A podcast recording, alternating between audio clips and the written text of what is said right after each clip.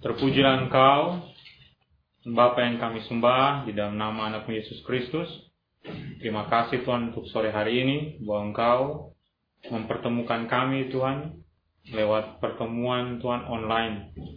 Ini tidak mengurangi bahwa Engkau hadir Tuhan di tengah-tengah kami, karena Engkau Tuhan yang maha hadir Tuhan. Engkau ada di mana pun kami berada Tuhan. Oleh karena itu kami percaya waktu engkau katakan dua atau tiga orang berkumpul di dalam namamu, engkau hadir Tuhan di tengah-tengah orang-orang yang berseru dan meminta engkau untuk, untuk datang dan hadir. Hari ini kami meminta engkau untuk hadir dan berbicara kepada kami lewat firmanmu Tuhan. Urapi hambamu yang menyampaikan firmanmu, biar hati kami Tuhan belajar Tuhan untuk terbuka Tuhan bagi firman untuk setiap teguran, untuk setiap nasihat, untuk setiap Tuhan perkataan-perkataanmu Tuhan yang membangkitkan kami Tuhan. Biarlah firmanmu Tuhan mendapat tempat di dalam hati kami. Biarlah hati kami menjadi rindu, hati kami Tuhan dibersihkan. Hati kami Tuhan uh, menjadi tenang Tuhan. Bahkan seluruh kehidupan kami diselamatkan oleh karena firmanmu Tuhan. Berkati firmanmu Tuhan sore hari ini. Dan mengucap syukur di dalam nama Tuhan Yesus. Amin. Amin. Yakobus pasal yang pertama ayat 19 sampai ayat yang ke-21. Perikopnya pendengar atau pelaku firman. Hai saudara-saudara yang kukasihi, ingatlah hal ini. Setiap orang hendaklah cepat untuk mendengar, tetapi lambat untuk berkata-kata dan juga lambat untuk marah. Sebab amarah manusia tidak mengerjakan kebenaran di hadapan Allah. Sebab itu buanglah segala sesuatu yang kotor dan kejahatan yang begitu banyak itu. Dan terimalah dengan lemah lembut firman yang tertanam di dalam hatimu, yang berkuasa menyelamatkan jiwamu. Amin. Yang berbahagia adalah saudara-saudara yang mendengarkan firman Tuhan, yang mau menerimanya, merenungkannya, dan mau meliharanya di dalam kehidupannya, di akhir sebuah khotbah ada seorang nenek sambil dia melihat ada seorang anak muda di samping kanannya. Dengan cepat dia berkata di dalam hatinya dia bilang, "Firman Tuhan hari ini pas sekali untuk orang di sebelah saya." Dan saya percaya kita semua pernah mengalami, ini, bahkan kita semua pernah uh, melakukan ini. Kita begitu cepat untuk menghindar dari firman Tuhan atau begitu cepat membela diri terhadap firman Tuhan dan kita berusaha untuk menunjuk bahwa firman Tuhan ini cocok bagi orang di sebelah saya. Firman Tuhan ini cocok bagi orang di depan saya atau firman Tuhan ini cocok bagi orang di belakang saya. Tapi kita sendiri tidak pernah mau menerima bahwa itulah firman Tuhan bagi diri saya. Sebenarnya kalau kita kita mau melihat kebenaran firman Tuhan, Orang-orang yang bertobat lahir baru, orang-orang yang menjadikan Yesus sebagai Tuhan dan Juru Selamat dalam kehidupannya, adalah orang-orang yang rindu sekali untuk mendengarkan Tuhan berbicara kepada mereka. Dan bukan hanya rindu, tapi mereka ingin sekali berpegang kepada firman Tuhan. Kalau saudara baca Yohanes pasal 15, Yesus bilang bahwa inilah tandanya orang-orang yang mengasihi aku. Adalah mereka yang mendengarkan firmanku dan yang melakukannya. Kalau saudara baca Mazmur pasal 119, kau akan menemukan banyak sekali pernyataan-pernyataan mengenai orang-orang yang mengasihi Tuhan adalah orang-orang juga yang mencintai Taurat Tuhan. Dan mereka rindu untuk melakukan Taurat Tuhan di dalam kehidupannya. Kalau saudara baca Mazmur pasal 1, dia bilang bahwa berbahagialah orang yang kesukanya ialah Taurat Tuhan, yang merenungkan itu siang dan malam karena dia merenungkan, karena dia menjadikan itu kesukaannya, itu akan berbuah di dalam tingkah lakunya setiap hari. Amin. Saudara perlu mengerti bahwa firman Tuhan itu baik sekali untuk kita. Firman Tuhan itu berguna sekali untuk kehidupan kita. Bahkan kalau kita kembali ke nats firman Tuhan yang kita baca hari ini, Yakobus pasal yang pertama, ayat yang ke-21, bagian yang terakhir dia bilang, eh, yang berkuasa menyelamatkan jiwamu. Firman Tuhan itu berkuasa untuk menyelamatkan jiwa kita. Firman Tuhan bisa kita dapat atau kita dengar atau kita pelajari melalui apa yang kita baca, melalui orang yang menyampaikan firman Tuhan, orang yang berkhotbah. Dari situ kita akan mempelajari kehendak Tuhan dan mendengar apa yang Tuhan inginkan di dalam kehidupan kita. Saudara-saudara sebelum kita masuk lebih dalam lagi dalam Yakobus ini, saya saya mau ingatkan kepada saudara-saudara tentang perumpamaan daripada Tuhan Yesus mengenai penabur. Saudara bisa buka itu di Matius 13 ayat 3 sampai 9. Kemudian Markus pasal 4 ayat 3 sampai 20 dan Lukas 8 ayat 4 sampai 15. Itu PR-nya saudara sendiri untuk baca di rumah dan renungkan sendiri. Tapi Yesus mengatakan kepada orang-orang yang mendengarkan dia, ada empat model tanah di dalam perumpamaan tentang penabur ini. Ada empat model tanah. Ya, ada yang waktu benih itu ditabur, firman itu langsung dirampas oleh si jahat. Itu tanah yang pertama. Tanah yang kedua, tanah yang kedua adalah tanah yang tipis, ya. Walaupun benih itu bisa masuk, ya, tapi dia hanya bertumbuh sebentar, kemudian layu. Orang-orang seperti itu adalah orang-orang yang mendengarkan firman Tuhan, tapi benih itu tidak bertumbuh di dalam hatinya. Dia cuma sebentar saja dia suka firman Tuhan, besok langsung layu dan mati. Benih yang ketiga atau e, model tanah yang ketiga adalah tanah yang memiliki semak duri. Dia memang bertumbuh, tapi oleh karena himpitan semak belukar akhirnya membuat benih itu tidak bisa bertumbuh. Ya. Model tanah yang keempat adalah tanah yang subur. Dikatakan tanah yang keempat itu pernyataan yang lebih bagus kita bisa lihat di Lukas pasal 8 ayat yang ke-15. Yang jatuh di tanah yang baik itu ialah orang yang setelah mendengar firman itu, lihat ya, menyimpannya dalam hati yang baik dan mengeluarkan buah dalam ketekunan. Ya, jadi setiap orang yang mendengarkan firman Tuhan, yang membaca firman Tuhan, ada empat model tanah. Hatinya kita bisa bisa dikategorikan ke dalam empat model tanah ini. Kamu memilih hatimu akan seperti tanah yang tidak firman Tuhan tidak melekat sama sekali, atau firman Tuhan itu melekat tapi cuma sebentar karena begitu tipis hatinya kita sehingga firman Tuhan tidak mendapat kesempatan untuk bertumbuh atau hati kita sama seperti hati, memang kita mengizinkan firman Tuhan, tapi kita membiarkan kekhawatiran menghimpit firman Tuhan sehingga firman Tuhan tidak bertumbuh. Atau yang keti yang keempat, saudara-saudara, bahwa hati kita itu begitu subur. Subur di sini maksudnya bahwa kita terbuka untuk firman Tuhan. Kita mendengar dengan baik firman Tuhan dan kita melakukannya di dalam kehidupan kita. Makanya Yesus katakan bahwa yang berbahagia adalah mereka yang mendengar dan yang melakukan firman Tuhan. Setelah Yesus bicara tentang penabur, perumpamaan selanjutnya saudara bisa lihat di Markus 4 ayat 24, kemudian Lukas 8 ayat 18. Dia bilang gini, karena itu perhatikanlah cara kamu mendengar karena siapa yang mempunyai kepadanya akan diberi, tetapi siapa yang tidak mempunyai daripadanya akan diambil juga apa yang ia anggap ada padanya. Markus 4 ayat yang ke-24. Lalu ia berkata lagi, camkanlah apa yang kamu dengar. Ya, ukuran yang kamu pakai untuk mengukur akan diukurkan kepadamu. Dan di samping itu akan ditambah lagi kepadamu. Jadi kalau kita gabung Markus 4 ayat 24 dan Lukas 8 ayat 18, saudara akan menemukan bahwa Yesus bilang begini, perhatikan apa yang kamu dengar dan camkan apa yang kamu dengar. Jadi cara kamu mendengar dan apa yang kau dengar itu menentukan keselamatan jiwa kita. Sampai sini paham ya? Apa yang kita dengar dan cara kita mendengar itu yang akan menentukan keselamatan jiwa kita. Amin.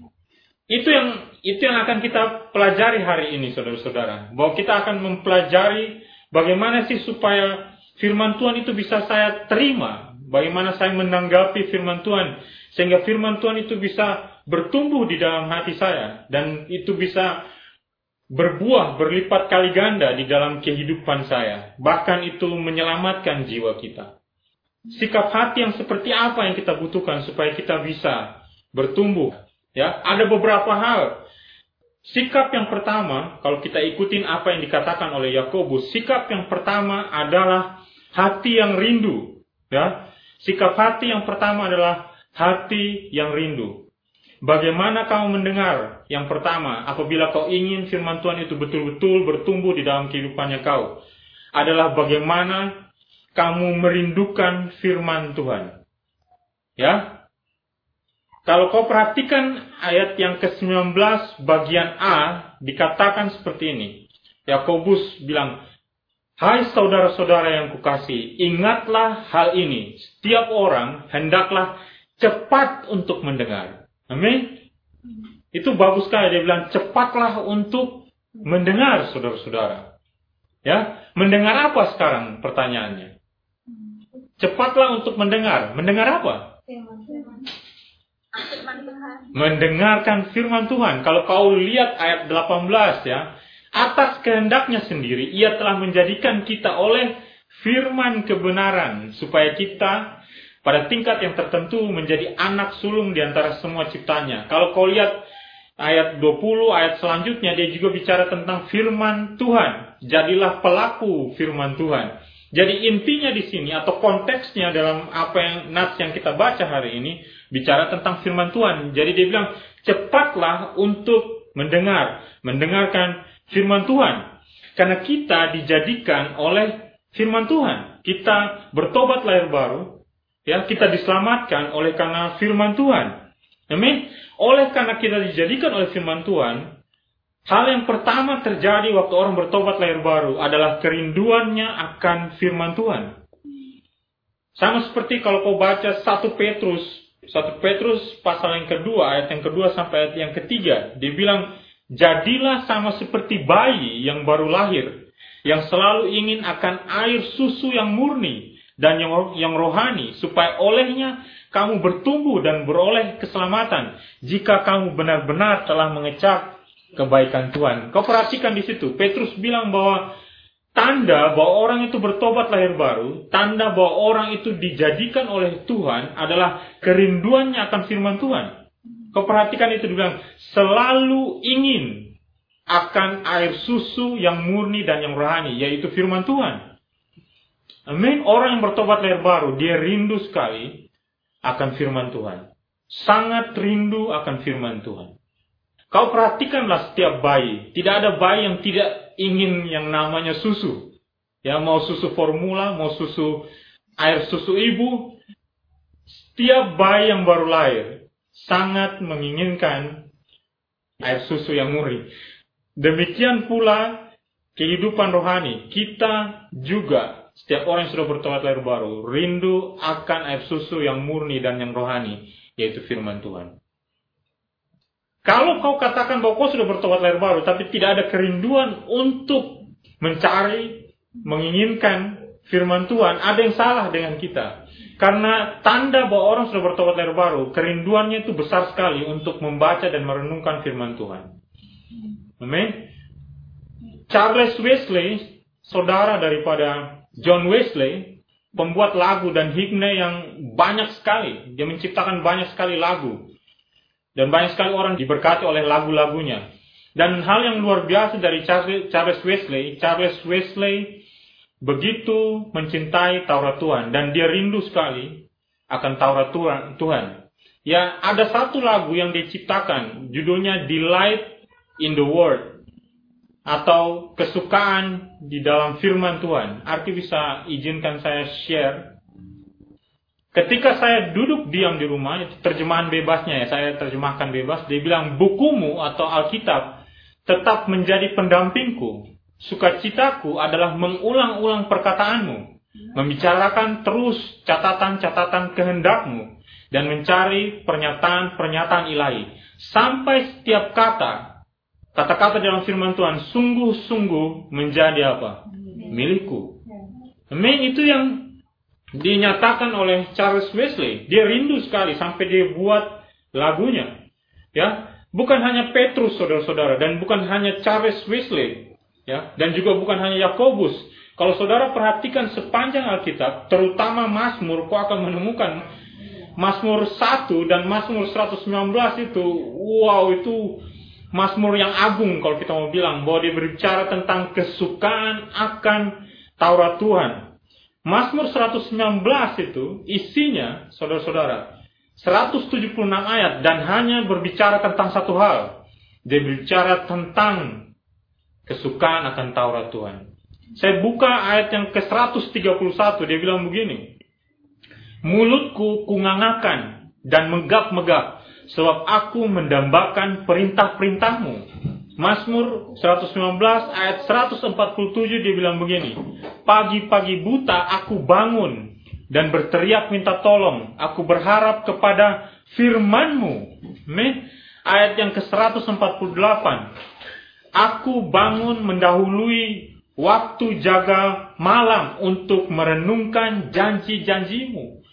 Kau perhatikan itu, bahwa dia rindu sekali. Dia bilang, saya mau buka mulut saya lebar-lebar. Dan saya mau mengizinkan firman Tuhan mengisi hidup saya. Supaya saya dipuaskan oleh firman Tuhan. Dia bilang, aku mau bangun pagi-pagi buta. Untuk apa? Untuk berteriak minta tolong. Mengharapkan Tuhan berbicara kepada saya. Bahkan dia bilang, aku bangun mendahului waktu jaga malam. Itu sekitar mungkin jam 3 atau jam 4 pagi. Dia bangun. Dan dia berseru kepada Tuhan, Tuhan, aku mau merenungkan janji-janjimu. Amin. Saya, saya dorong kembali kepada kau saudara-saudara. Alasan kenapa firman Tuhan itu tidak melekat di dalam hati kita. Karena kita tidak memiliki kerinduan akan kebenaran firman Tuhan. Alasan khotbah yang disampaikan orang tidak menjadi tidak memiliki tempat di dalam hati kita karena kita tidak merindukan firman Tuhan sehingga siapa pun yang membagi, membagikan firman menjadi begitu hambar bagi kita karena kita tidak mendambakan firman Tuhan. Yakobus bilang, "Cepatlah untuk mendengar, bersegeralah mencondongkan telinganya kau." Sesegera mungkin Tuhan saya mau dengar kau bicara kepada saya atau milikilah hati yang rindu akan firman Tuhan. Kenapa kau perlu untuk mencondongkan telinganya kau? Kenapa hatimu harus rindu dan mendambakan firman Tuhan? Karena firman Tuhan memiliki banyak manfaat bagi kehidupan kita. Ada amin? Firman Tuhan itu memiliki banyak manfaat bagi kehidupan kita. Ya, dengan merindukan firman Tuhan ya, kau memperoleh kehidupan waktu kau merenungkan firman Tuhan atau waktu kau mendengar pemberitaan firman Tuhan, kau disegarkan, kau dipuaskan. Bahkan dikatakan Yesus sendiri katakan bahwa kau dimerdekakan. Saudara bisa lihat Yohanes pasal 8 ayat 31 sampai ayat 32 kepada orang-orang Yahudi yang percaya kepadanya. Jikalau kamu tetap dalam firmanku, kamu benar-benar adalah murid-muridku dan kamu akan mengetahui kebenaran dan kebenaran itu akan apa? Memerdekakan kamu, saudara-saudara. Amin. Ada kemerdekaan, ada kemerdekaan, saudara-saudara. Waktu firman Tuhan itu menyentuh hati kita, waktu firman Tuhan itu didengar oleh telinga kita. Itulah sebabnya saudara-saudara miliki hati yang rindu. Aku rindu untuk mendengarkan firman Tuhan. Aku rindu untuk mendengarkan orang menjelaskan tentang firman Tuhan atau orang berkhotbah. Ini yang kadang-kadang kita tidak miliki saudara-saudara. Kita memilih orang ini yang harus berkhotbah baru saya rindu firman Tuhan. Tidak bisa saudara-saudara. Kita merindukan firman Tuhan oleh karena firman Tuhan, bukan karena orang yang menyampaikan khotbah itu. Kita merindukan firman Tuhan karena Tuhan itu sendiri. Kita rindu ingin mendengarkan suaranya. Amin. Mari saudara-saudara ya, Mari berseru kepada Tuhan untuk memiliki kerinduan itu kembali. Ya. Merindukan sama seperti bayi rindu akan susu yang murni. Sama seperti Charles Wesley yang sampai membuatkan lagu dia bilang, waktu aku sendiri Tuhan, yang menjadi pendampingku bukan HP. Yang menjadi pendampingku adalah firmanmu, ya. bukumu Tuhan. Itu yang membuat saya bersuka cita. Sukacitaku adalah mengulang-ulang perkataanmu. Aku mencari pernyataan-pernyataanmu Tuhan. Sampai setiap kata demi kata di dalam firmanmu itu menjadi miliknya saya. Amin. Biarlah itu yang menjadi kerinduan kita, saudara-saudara. Itu yang pertama. Hati yang rindu akan firman Tuhan. Sikap yang kedua adalah hati yang tenang. Amin. Apabila kita menginginkan firman Tuhan itu, memiliki tempat di dalam hati kita. Kita harus memiliki hati yang tenang. Yakobus melanjutkan ya, saudara bisa lihat di bagian selanjutnya setelah dia katakan cepat untuk mendengar, cepat untuk mendengar tetapi lambat untuk berkata-kata dan juga lambat untuk marah. Sebab amarah manusia tidak mengerjakan kebenaran di hadapan Allah. Jadi dia bilang kamu harus menanggapi firman Tuhan dengan cara yang benar, saudara-saudara. Ada dua hal yang harus kau lakukan mengenai hatimu waktu kau mendengarkan firman Tuhan. Pertama, lambatlah untuk berkata-kata. Yang kedua, lambatlah untuk marah. Artinya sabar. Jadilah tenang waktu mendengarkan firman Tuhan. Ada amin? Waktu mendengarkan firman Tuhan sabar. Ya dan tenang. Sate saudara-saudara. Sabar dan tenang waktu kau mendengarkan firman Tuhan. Artinya kendalikan kau punya diri. Kendalikan mulutmu dan kendalikan emosimu waktu kau mendengarkan firman Tuhan karena kita cepat sekali waktu mendengarkan firman Tuhan. Kita langsung mengeluarkan kita punya jurus ya. Waktu kita mendengarkan firman Tuhan, jurus pertama yang kita keluarkan adalah jurus menghindar. Kita bilang kepada Tuhan, bilang, oh itu bukan untuk saya firman itu. Itu untuk orang di sebelah saya. Itu bukan untuk Ama, itu untuk Rafi. Rafi juga bilang, itu bukan untuk Rafi, itu untuk Amri. Amri juga bilang, itu bukan untuk Amri, itu untuk Meki. Dan begitu seterus-terusnya. Hampir sama seperti apa yang terjadi di Taman Eden. Waktu Tuhan berbicara kepada Adam, Tuhan bilang, ini kesalahanmu. Terus Adam bilang, oh itu salahnya si Hawa. Waktu Hawa ditanya, oh itu salahnya si ular.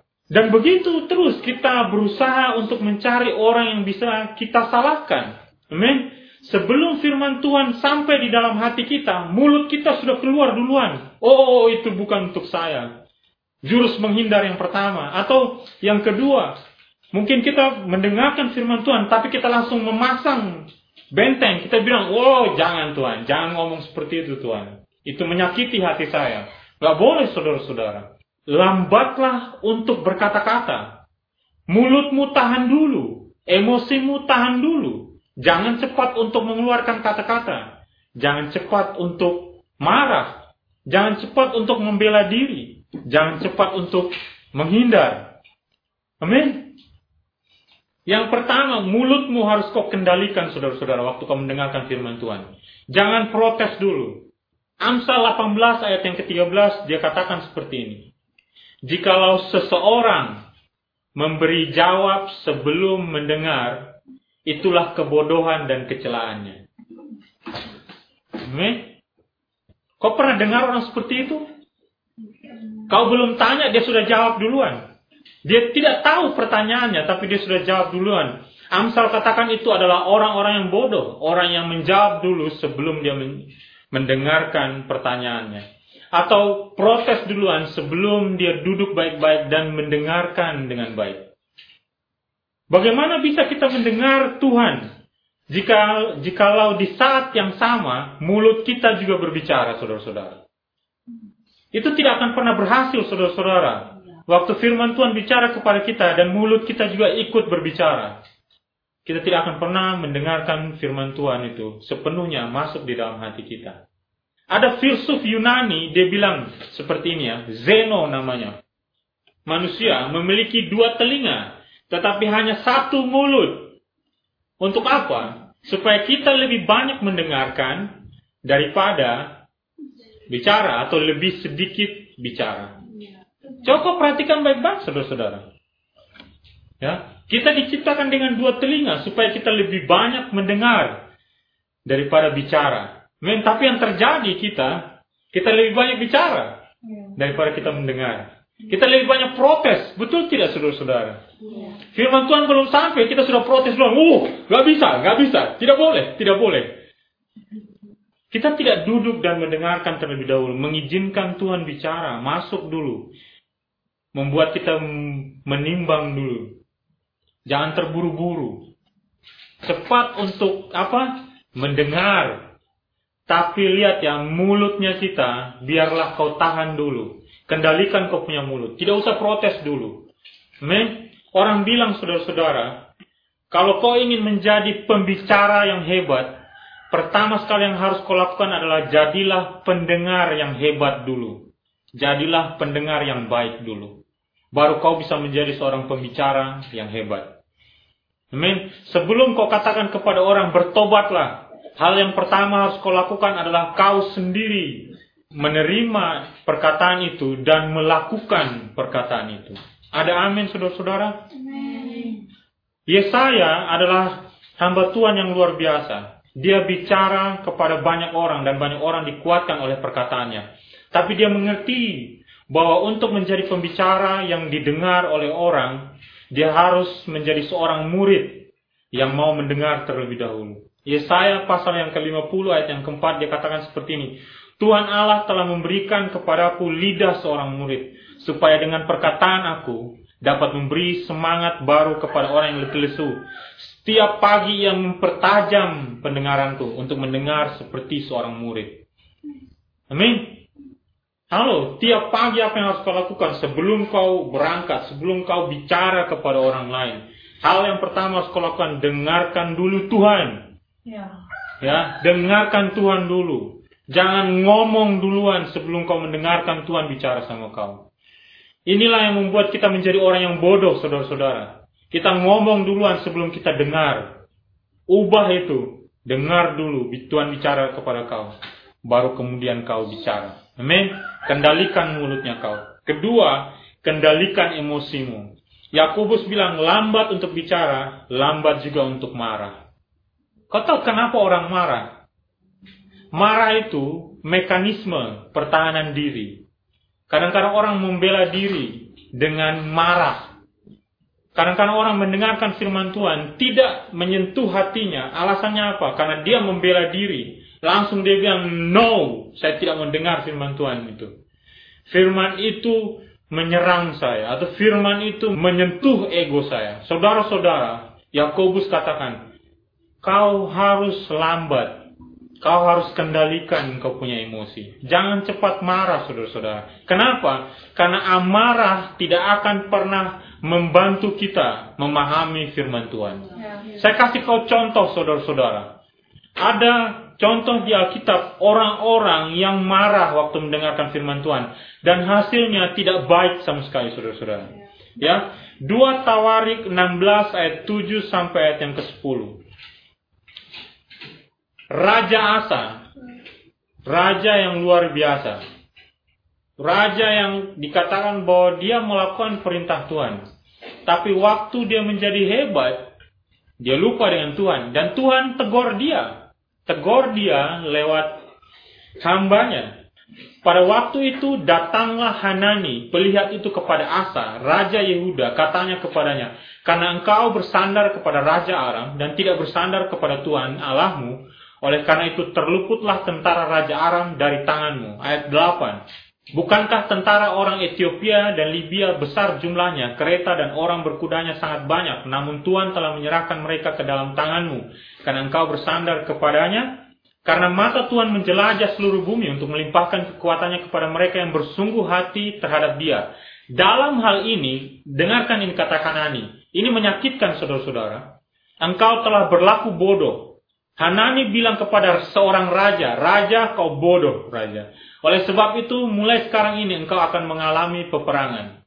Lihat ayat 10. Waktu dia mendengar pernyataan firman Tuhan, ini yang terjadi dengan Asa. Maka apa?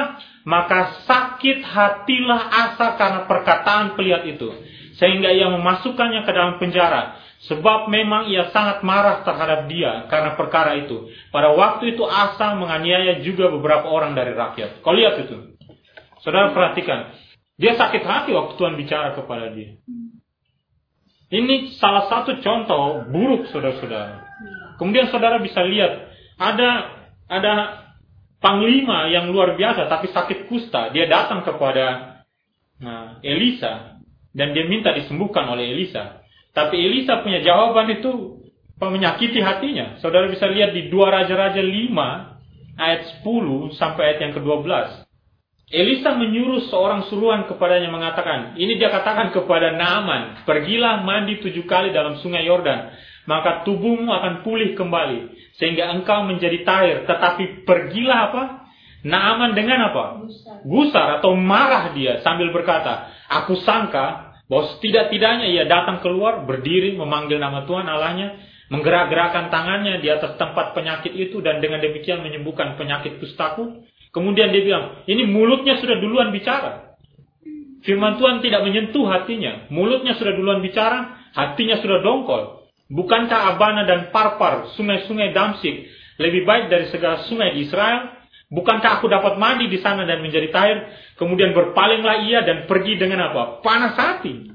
Kau perhatikan itu saudara-saudara.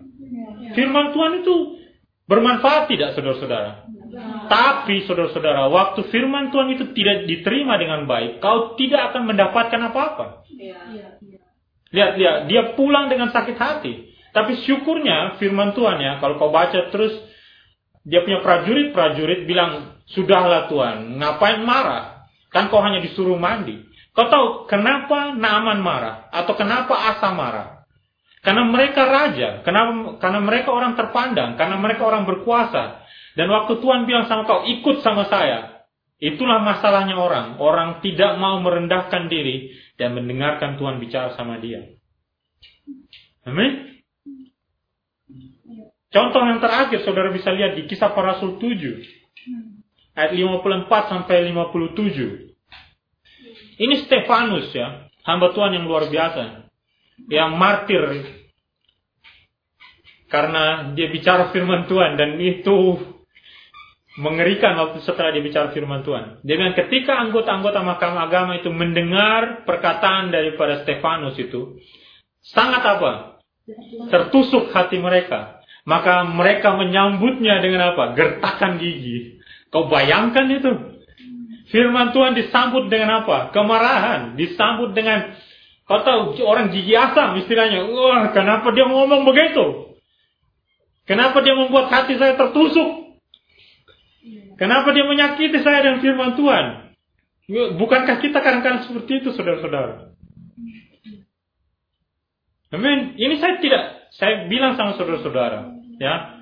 Kadang-kadang kau akan berpikir bahwa saya sedang menyerang kau, saudara-saudara. Tapi kau perhatikan ya, Stefanus itu asli, asli saudara-saudara. Dia bilang, kamu, dia bilang itu, kamu makam, makam agama, orang-orang Yahudi ini, kurang ajar kamu semua. Dan itu membuat hati mereka tertusuk. Lanjut sampai 57. Tetapi Stefanus yang penuh dengan roh kudus menatap ke langit. Melihat kemuliaan Allah dan Yesus berdiri di sebelah kanan Allah. Terus. Sungguh aku melihat terus ayat 57. Maka berteriak-teriaklah mereka dan sambil menutup telinga serentak menyerbu dia. Kau bayangkan. Kau tahu firman Tuhan itu memang memang luar biasa luar biasa menyakiti hati orang. Kau bayangkan itu, mereka sampai panas hati mereka. Sampai gigi asam dengar orang Stefanus berkhotbah. Men, saudara-saudara mungkin gigi asam waktu dengar saya khotbah. Tapi tidak apa-apa saudara. Firman Tuhan tetaplah firman Tuhan. Tapi kalau kau rindu supaya firman Tuhan itu masuk di dalam hatinya kau, berbuah saudara-saudara, apa yang harus kau lakukan? Yakobus bilang, Tahan kau punya amarah. Ya. Jangan emosi. Ya. Kendalikan kau punya diri. Jangan keluarkan apa-apa dari mulutnya kau. Janganlah gusar di dalam hatimu. Jangan panas hatinya kau. Terima firman Tuhan apa adanya. Ya. Amin. Karena dia bilang ayat 20 Sebab amarah manusia tidak mengerjakan kebenaran di hadapan Allah. Kalau kau marah, saudara-saudara, firman Tuhan tidak akan menghasilkan apa-apa bagi kau. Kalau misalnya firman Tuhan katakan kau bertobat, kau harus bertobat. Tapi karena kau marah, karena kau protes, akhirnya kau tidak bisa berbalik kepada Tuhan dan bertobat. Firman Tuhan tidak bisa berbuah di dalam hidupnya kau. Kalau Tuhan bilang, tanggalkan dosamu. Tapi kau marah, apa yang terjadi? Firman Tuhan tidak bisa berbuah kasih tidak bisa muncul dalam kehidupannya kau. Dan buah-buah yang baik lainnya tidak bisa hadir dalam kehidupannya kau. Amin. Kalau kau tidak mengizinkan firman Tuhan berkuasa di dalam hatinya kau. Jadi apa yang harus kau lakukan? Jangan bentengi dirimu. Ya. Biarkan firman Tuhan mengkoreksi dirinya kau. Izinkan firman Tuhan mengkoreksi dirimu. Para leluhur Yahudi mengatakan seperti ini. Empat sifat di kalangan orang terpelajar. Bahwa orang yang cepat mendengar dan cepat melupakan itu berarti orangnya cepat memperoleh sesuatu tetapi juga cepat untuk hilang. Kalau kau cepat dengar, kau bisa juga orang yang termasuk cepat melupakan, ya. Ada itu tipe orang pertama, tapi ada juga tipe orang yang kedua. Orang ini lambat mendengar dan lambat untuk melupakan. Lambat untuk memperoleh sesuatu, tetapi apa yang didapatnya mungkin saja bisa bertahan lebih lama. Kemudian ada tipe orang yang ketiga, cepat mendengar dan lambat untuk melupakan. Ini orang-orang yang bijaksana, cepat untuk dengar, karena dia memiliki dua telinga. Mulutnya tidak cepat bicara. Apa yang dia dapat kemungkinan besar akan lama sekali baru itu hilang. Amin. Dan yang terakhir ini, tipe orang yang bodoh ya, sudah lambat untuk mendengarkan, cepat lagi dia melupakan. Lambat untuk mengerti dan cepat untuk melupakan. Saya harap kau tidak termasuk orang-orang di kelompok yang keempat, ya, sudah lambat mendengarkan, cepat lagi lupa dengan apa yang sudah didengarkan. Oh tadi kau bilang apa? Wih, saya sudah lupa. Itu bahaya saudara-saudara. Disuruh beli berat satu kilo, telur setengah kilo. Karena lambat mendengar dan cepat melupakan apa yang terjadi. Pulang, dia bawa telur satu kilo, beras setengah kilo. Ini saya harap saudara-saudara tidak termasuk orang-orang yang seperti itu. Biarlah kita orang-orang yang cepat untuk mendengarkan, tapi lambat untuk apa? Lambat untuk marah, lambat untuk segera untuk membela diri. Amin. Ya, marilah kita mengendalikan mulut kita, mengendalikan emosi kita, dan mengizinkan firman Tuhan masuk dalam hati kita. Ada amin? Itu yang kedua, saudara-saudara bahwa kau perlu memiliki hati yang tenang, hati yang terkendali. Yang keempat, ya saya cepat aja dua yang terakhir ini. Kau perlu memiliki hati yang murni. Mari kita lihat kembali ayat yang ke-21, bagian yang pertama. Hati yang murni. Sebab itu, buanglah segala sesuatu yang kotor dan kejahatan yang begitu banyak itu, saudara-saudara. Dia bilang, setelah kau lambat untuk berbicara, lambat untuk marah. Yang ketiga yang buanglah segala yang kotor dan kejahatan yang begitu banyak itu. Kau perlu memastikan hatimu itu murni, hatimu itu bersih. Karena hati yang kotor akan menghalangi firman Tuhan untuk masuk di dalam hati kita. Ya, hati yang kotor membuat kita tidak rindu akan firman Tuhan. Hati yang kotor membuat kita punya selera, atau kita punya keinginan itu hilang saudara-saudara. Kata asli dari kata kotor ini, bahasa Yunaninya itu adalah ruparia. Coba ikuti saya punya kata-kata ruparia. Ruparia. Ya oke. Okay.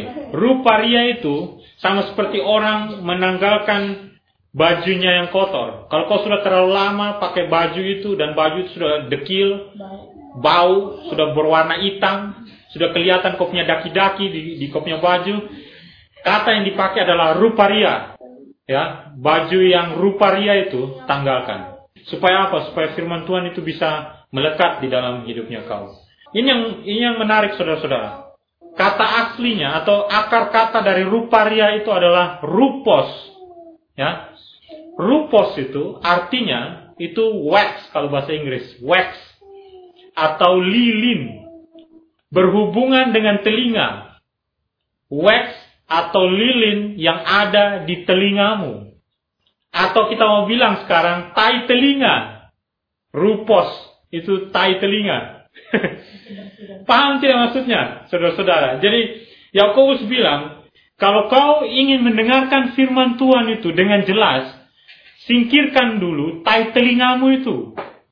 Ya, Paham tidak maksudnya? Kalau kau punya tai telinga terlalu tebal, saudara-saudara, firman Tuhan itu tidak bisa didengar. Singkirkan dulu itu tai telinga. sampai sini kau bisa mengerti tidak? Ya, ya saya harus saya punya bahasa ini mudah dimengerti, saudara-saudara. Singkirkan tai telinga yang melekat di telinganya kau. Supaya firman Tuhan itu bisa masuk dengan apa? Dengan jernih. Ya, jangan kalau orang bilang dua, kau bilang oh satu. Orang bilang satu, kau bilang dua. Perhatikan betul-betul, jangan sampai ada ta banyak tai telinganya. Sehingga kau tidak bisa mendengarkan dengan jelas suara Tuhan. Rupos, saudara-saudara. Singkirkan rupos yang ada di telingamu. Saya percaya di sini saudara-saudara, bahwa tidak ada kita yang suka menimbun tai telinga kita. Oh, buat koleksi kak. Adakah saudara-saudara yang suka mengkoleksi rupos di di dalam telinganya kau? Saya, saya percaya tidak ada yang senang dengan itu. Bahkan saya bahkan saya pikir itu hal yang menjijikan ya untuk menimbun terlalu banyak rupos di dalam telingamu. Amin. Jadi Yakobus bilang singkirkan itu.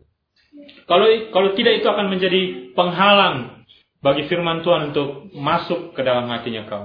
Amin. Itu yang ketiga. Yang keempat, Selain hati yang murni, hati yang tenang, dan hati yang rindu. Yang terakhir, hati yang lembut, saudara-saudara. Ayat yang ke-21, bagian selanjutnya, dia bilang, Dan terimalah dengan lemah lembut firman yang tertanam di dalam hatimu, yang berkuasa menyelamatkan jiwamu. Dia bilang, terimalah firman Tuhan dengan apa? Lemah lembut. Artinya apa? Sambut firman Tuhan. Iya. Sambut. Sambut dengan hati yang Tuhan saya mau diajar Tuhan. Saya siap untuk mendengarkan firman Kadang-kadang kan kalau kita mulai pertama sekali mendengarkan firman Tuhan, kita selalu berdoa, Tuhan, lembutkan hati saya. Berfirmanlah Tuhan, sebab kami siap untuk mendengarkan firman. Bukankah itu yang kita sering katakan? Dan biarlah itu yang menjadi kerinduan kita, saudara-saudara. Ya, Kau tahu apa yang terjadi kalau kita kembali di Lukas pasal 8 ayat yang ke-15 dia bilang tanah yang subur adalah tanah yang menerima dengan lemah lembut firman Tuhan. Menyambut firman Tuhan dengan tangan terbuka. Dia rindu, Tuhan aku mau dengar, aku mau terima apa yang, apa pun yang kau katakan hari ini. Saya siap Tuhan, saya mau simpan itu di dalam hatinya saya. Saya senang dengan firman-Nya kau. Amin. Jika jika itu adalah firman Tuhan yang dinyatakan bagi diri saya Tuhan, apa pun Tuhan, saya akan katakan amin Tuhan. Amin artinya pasti. Amin artinya ya. Amin artinya terjadilah sesuai dengan apa yang kau katakan Tuhan. Amin. Waktu Tuhan bilang bertobatlah, apa yang kau lakukan? Ya Tuhan, terjadilah sesuai dengan firmanmu. Saya bertobat. Kau tidak tersinggung, kau tidak marah, kau tidak sakit hatinya kau, kau tidak melawan, kau tidak menghindar. Apa yang kau lakukan? Jika itu untuk saya Tuhan, amin Tuhan, saya terima itu. Kau bisa bandingkan ya, kau bisa bandingkan antara Maria dan orang-orang Yahudi di kisah rasul 7 ayat 57. Maria di Lukas 10 ayat yang ke-39 dikatakan begini, bahwa Maria duduk di bawah kaki Yesus dan dia dengan tenang mendengarkan Tuhan berbicara kepada dia. Marta sibuk mondar-mandir untuk pelayanan. Tapi Tuhan bilang kepada Marta, Marta, kau terlalu sibuk. Marta, kau terlalu banyak berusaha dengan semua. Yang perlu kau lakukan Marta sederhana. Jadi seperti Maria, duduk tenang, dengar saya bicara. Jangan ngomong dulu. Ya, konsentrasi. Pasang dua telingamu, biarkan firman Tuhan bicara sama kamu. Amin. Kalau kau bandingkan dengan orang-orang di kisah para rasul 7 ayat yang ke-57 dikatakan bahwa ini mereka berteriak-teriak dan sambil menutup telinga mereka mereka menyerbu Siapa? Stefanus. Amin, saudara-saudara. Kau lihat itu mengerikan, saudara-saudara. Waktu kau mendengarkan firman Tuhan, apa yang kau lakukan? Apakah kau akan tutup telingamu? Enggak, itu bukan untuk saya. Itu menyakiti hati saya. Itu membuat saya marah. Tapi apa yang akan kau lakukan? Mau tidak kau mengizinkan Tuhan bicara sama kau? Lepaskan kau punya tangan dari telinganya kau. Izinkan Tuhan bicara sama kau. Silakan kau bandingkan, kau mau jadi Maria atau mau jadi orang-orang Yahudi yang melemparkan Stefan, Stefanus dengan batu. Atau kau bisa bandingkan orang Berea dengan orang-orang di akhir zaman, ya. Orang-orang di akhir zaman di 2 Timotius 4 ayat 3 sampai ayat yang keempat. Kalau orang-orang Berea di kisah para rasul 17 ayat yang ke-11 dikatakan seperti ini. Orang-orang Yahudi di kota Berea itu lebih baik hatinya. Karena mereka menerima firman itu dengan segala kerelaan hati. Mereka sambut firman Tuhan. Hati saya rela Tuhan. Apa pun yang kau katakan. Saya mau sambut firman Tuhan. Dan lihat ya, setiap hari mereka menyelidiki kitab suci untuk mengetahui apakah semuanya itu benar demikian. Amin. Kita tidak cukup hanya mendengarkan, kita merenungkan baik-baik. Betul tidak yang disampaikan itu. Amin. Itu orang Berea. Tapi kalau kau perhatikan orang-orang di akhir zaman di 2 Timotius 4 ayat 3 sampai ayat yang keempat dibilang begini, karena akan datang waktunya orang tidak dapat lagi menerima ajaran sehat. Tetapi mereka akan mengumpulkan guru-guru menurut kehendaknya. Untuk lihat ya, untuk memuaskan apa? Keinginan telinganya. Mereka akan memalingkan telinganya dari kebenaran, membukanya bagi dongeng.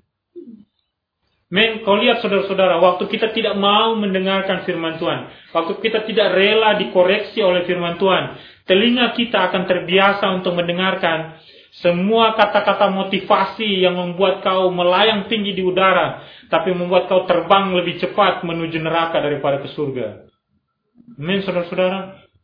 Saya berharap kau mau mendengarkan firman Tuhan. Tidak menutup telinganya kau.